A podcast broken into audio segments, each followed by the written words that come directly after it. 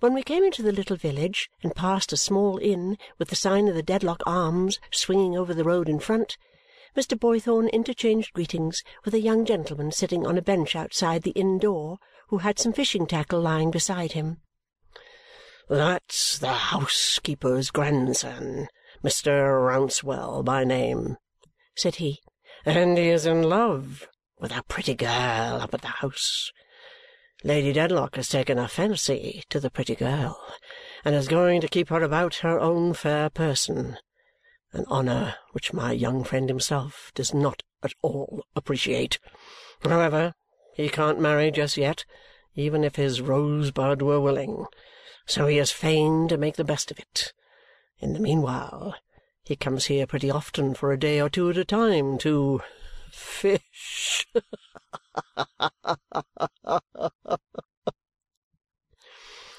Are he and the pretty girl engaged, Mr. Boythorn? asked Ada. "Why, my dear Miss Clare," he returned, "I think they may perhaps understand each other. But you will see them soon, I dare say, and I must learn from you on such a point. Not you from me." Ada blushed, and Mr. Boythorn, trotting forward on his comely grey horse, dismounted at his own door and stood ready with extended arm and uncovered head to welcome us when we arrived. He lived in a pretty house, formerly the parsonage house, with a lawn in front, a bright flower garden at the side, and a well stocked orchard and kitchen garden in the rear, enclosed with a venerable wall that had of itself a ripened ruddy look. But indeed everything about the place wore an aspect of maturity and abundance. The old lime tree walk was like green cloisters the very shadows of the cherry trees and apple trees were heavy with fruit. The gooseberry bushes were so laden that their branches arched and rested on the earth. The strawberries and raspberries grew in like profusion, and the peaches basked by the hundred on the wall. Tumbled about among the spread nets and the glass frames Sparkling and winking in the sun, there were such heaps of drooping pods and marrows and cucumbers that every foot of ground appeared a vegetable treasury, while the smell of sweet herbs and all kinds of wholesome growth, to say nothing of the neighbouring meadows where the hay was carrying, made the whole air a great nosegay. Such stillness and composure reigned within the orderly precincts of the old red wall that even the feathers hung in garlands to scare the birds hardly stirred and the wall had such a ripening influence that where, here and there high up, a disused nail and scrap of list still clung to it, it was easy to fancy that they had mellowed with the changing seasons and that they had rusted and decayed according to the common fate. The house, though a little disorderly in comparison with the garden, was a real old house, with settles in the chimney of the brick-floored kitchen and great beams across the ceilings. On one side of it was the terrible piece of ground in dispute, where Mr. Boythorn maintained a sentry in a smock frock day and night, whose duty was supposed to be, in cases of aggression, immediately to ring a large bell hung up there for the purpose, to unchain a great bull-dog established in a kennel as his ally, and generally to deal destruction on the enemy. Not content with these precautions, Mr. Boythorn had himself composed and posted there, on painted boards to which his name was attached in large letters, the following solemn warnings. Beware of the bulldog. He is most ferocious. Lawrence Boythorn. The blunderbuss is loaded with slugs. Lawrence Boythorn. Man traps and spring guns are set here at all times of the day and night. Lawrence Boythorn. Take notice that any person or persons audaciously presuming to trespass on this property will be punished with the utmost severity of private chastisement and prosecuted with the utmost rigour of the law. Lawrence Boythorn. These he showed us from the drawing-room window while his bird was hopping about his head, and he laughed.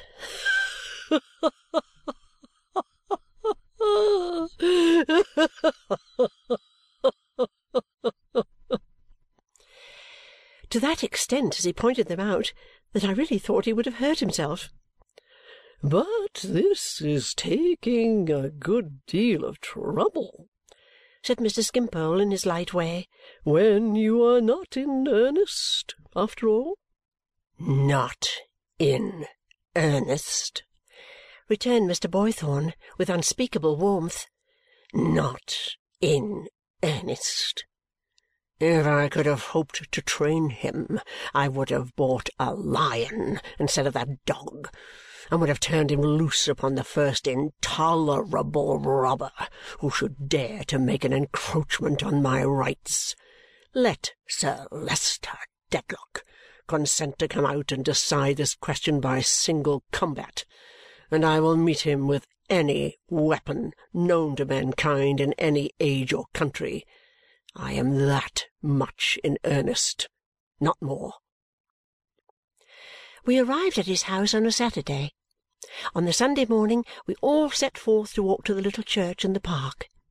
Entering the park almost immediately by the disputed ground, we pursued a pleasant footpath winding among the verdant turf and the beautiful trees until it brought us to the church porch.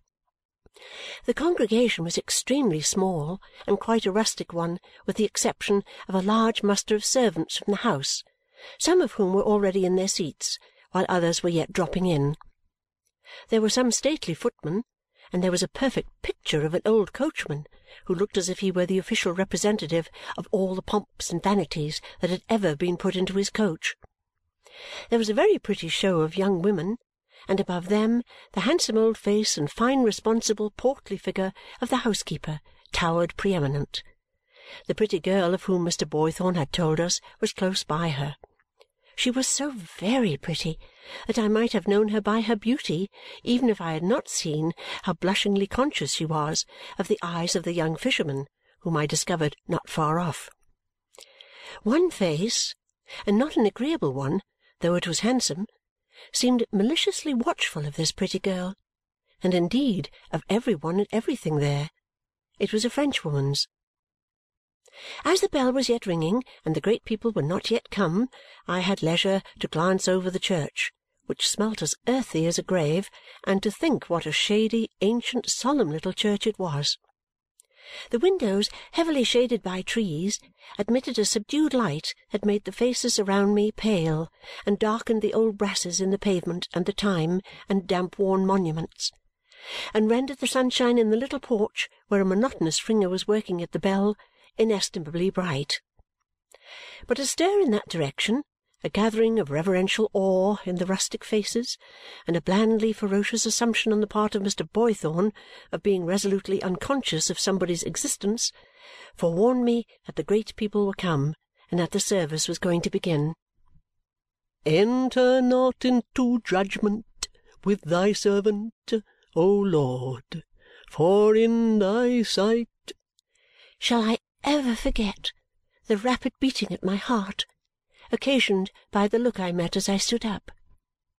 Shall I ever forget the manner in which those handsome proud eyes seemed to spring out of their languor and to hold mine? It was only a moment before I cast mine down, released again, if I may say so, on my book, but I knew the beautiful face quite well in that short space of time. And very strangely there was something quickened within me associated with the lonely days at my godmother's yes, away even to the days when I had stood on tiptoe to dress myself at my little glass after dressing my doll. And this, although I had never seen this lady's face before in all my life, I was quite sure of, absolutely certain. It was easy to know that the ceremonious, gouty, grey-haired gentleman, the only other occupant of the great pew, was Sir Leicester Dedlock, and that the lady was Lady Dedlock. But why her face should be, in a confused way, like a broken glass to me, in which I saw scraps of old remembrances, and why I should be so fluttered and troubled, for I was still, by having casually met her eyes, I could not think. I felt it to be an unmeaning weakness in me and tried to overcome it by attending to the words I heard. Then, very strangely, I seemed to hear them, not in the reader's voice, but in the well remembered voice of my godmother. This made me think, did Lady Dedlock's face accidentally resemble my godmother's? It might be that it did, a little, but the expression was so different, and the stern decision which had worn into my godmother's face, like weather into rocks, was so completely wanting in the face before me that it could not be that resemblance which had struck me. Neither did I know the loftiness and haughtiness of Lady Dedlock's face at all in any one. And yet I, I, little Esther Summerson, the child who lived a life apart and on whose birthday there was no rejoicing, seemed to arise before my own eyes, evoked out of the past by some power in this fashionable lady, whom I not only entertained no fancy that I had ever seen, but whom I perfectly well knew I had never seen until that hour. It made me tremble so to be thrown into this unaccountable agitation that I was conscious of being distressed even by the observation of the French maid, though I knew she had been looking watchfully here and there and everywhere from the moment of her coming into the church. By degrees, though very slowly, I at last overcame my strange emotion. After a long time, I looked towards Lady Dedlock again. It was while they were preparing to sing before the sermon. She took no heed of me, and the beating at my heart was gone. Neither did it revive for more than a few moments when she once or twice afterwards glanced at Ada or at me through her glass. The service being concluded, Sir Leicester gave his arm with much taste and gallantry to Lady Dedlock, though he was obliged to walk by the help of a thick stick and escorted her out of church to the pony carriage in which they had come. The servants then dispersed, and so did the congregation, whom Sir Leicester had contemplated all along, Mr. Skimpole said to Mr. Boythorn's infinite delight, as if he were a considerable landed proprietor in heaven. "He believes he is," said Mr. Boythorn. "He firmly believes it. So did his father and his grandfather, and his great grandfather. Do you know," pursued Mr. Skimpole very unexpectedly to Mr. Boythorn, "it's agreeable to me to see a man of that sort." "Is it?" said Mr. Boythorn. "Say that he wants to patronize me," pursued Mr. Skimpole. "Very well. I don't object. "I do," said Mr. Boythorn with great vigour. "Do you really?" returned Mr. Skimpole in his easy, light vein. "But that's taking trouble, surely. And why should you take trouble? Here am I, content to receive things childishly as they fall out, and I never take trouble. I come down here, for instance, and I find a mighty potentate exacting homage. Very well. I say, mighty potentate, here is my homage. It's easier to give than to withhold it. Here it is. If you have anything of an agreeable nature to show me, I shall be happy to see it. If you have anything of an agreeable nature to give me, I shall be happy to accept it. Mighty potentate replies in effect, this is a sensible fellow. I find him accord with my digestion and my bilious system. He doesn't impose upon me the necessity of rolling myself up like a hedgehog with my points outward. I expand, I open, I turn my silver lining outward like Milton's cloud, and it's more agreeable to both of us. That's my view of such things, speaking as a child. But suppose you went down somewhere else to-morrow," said Mr. Boythorn, "where there was the opposite of that fellow, or of his fellow. How then?" "How then?" said Mr. Skimpole with an appearance of the utmost simplicity and candour. "Just the same, then. I should say, my esteemed Boythorn to make you the personification of our imaginary friend, my esteemed Boythorn, you object to the mighty potentate? Very good. So do I. I take it that my business in the social system is to be agreeable. I take it that everybody's business in the social system is to be agreeable. It's a system of harmony, in short.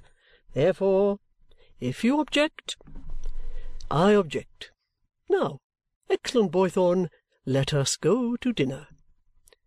"But," excellent Boythorn might say," returned our host, swelling and growing very red, "I'll be "I understand," said Mr. Skimpole.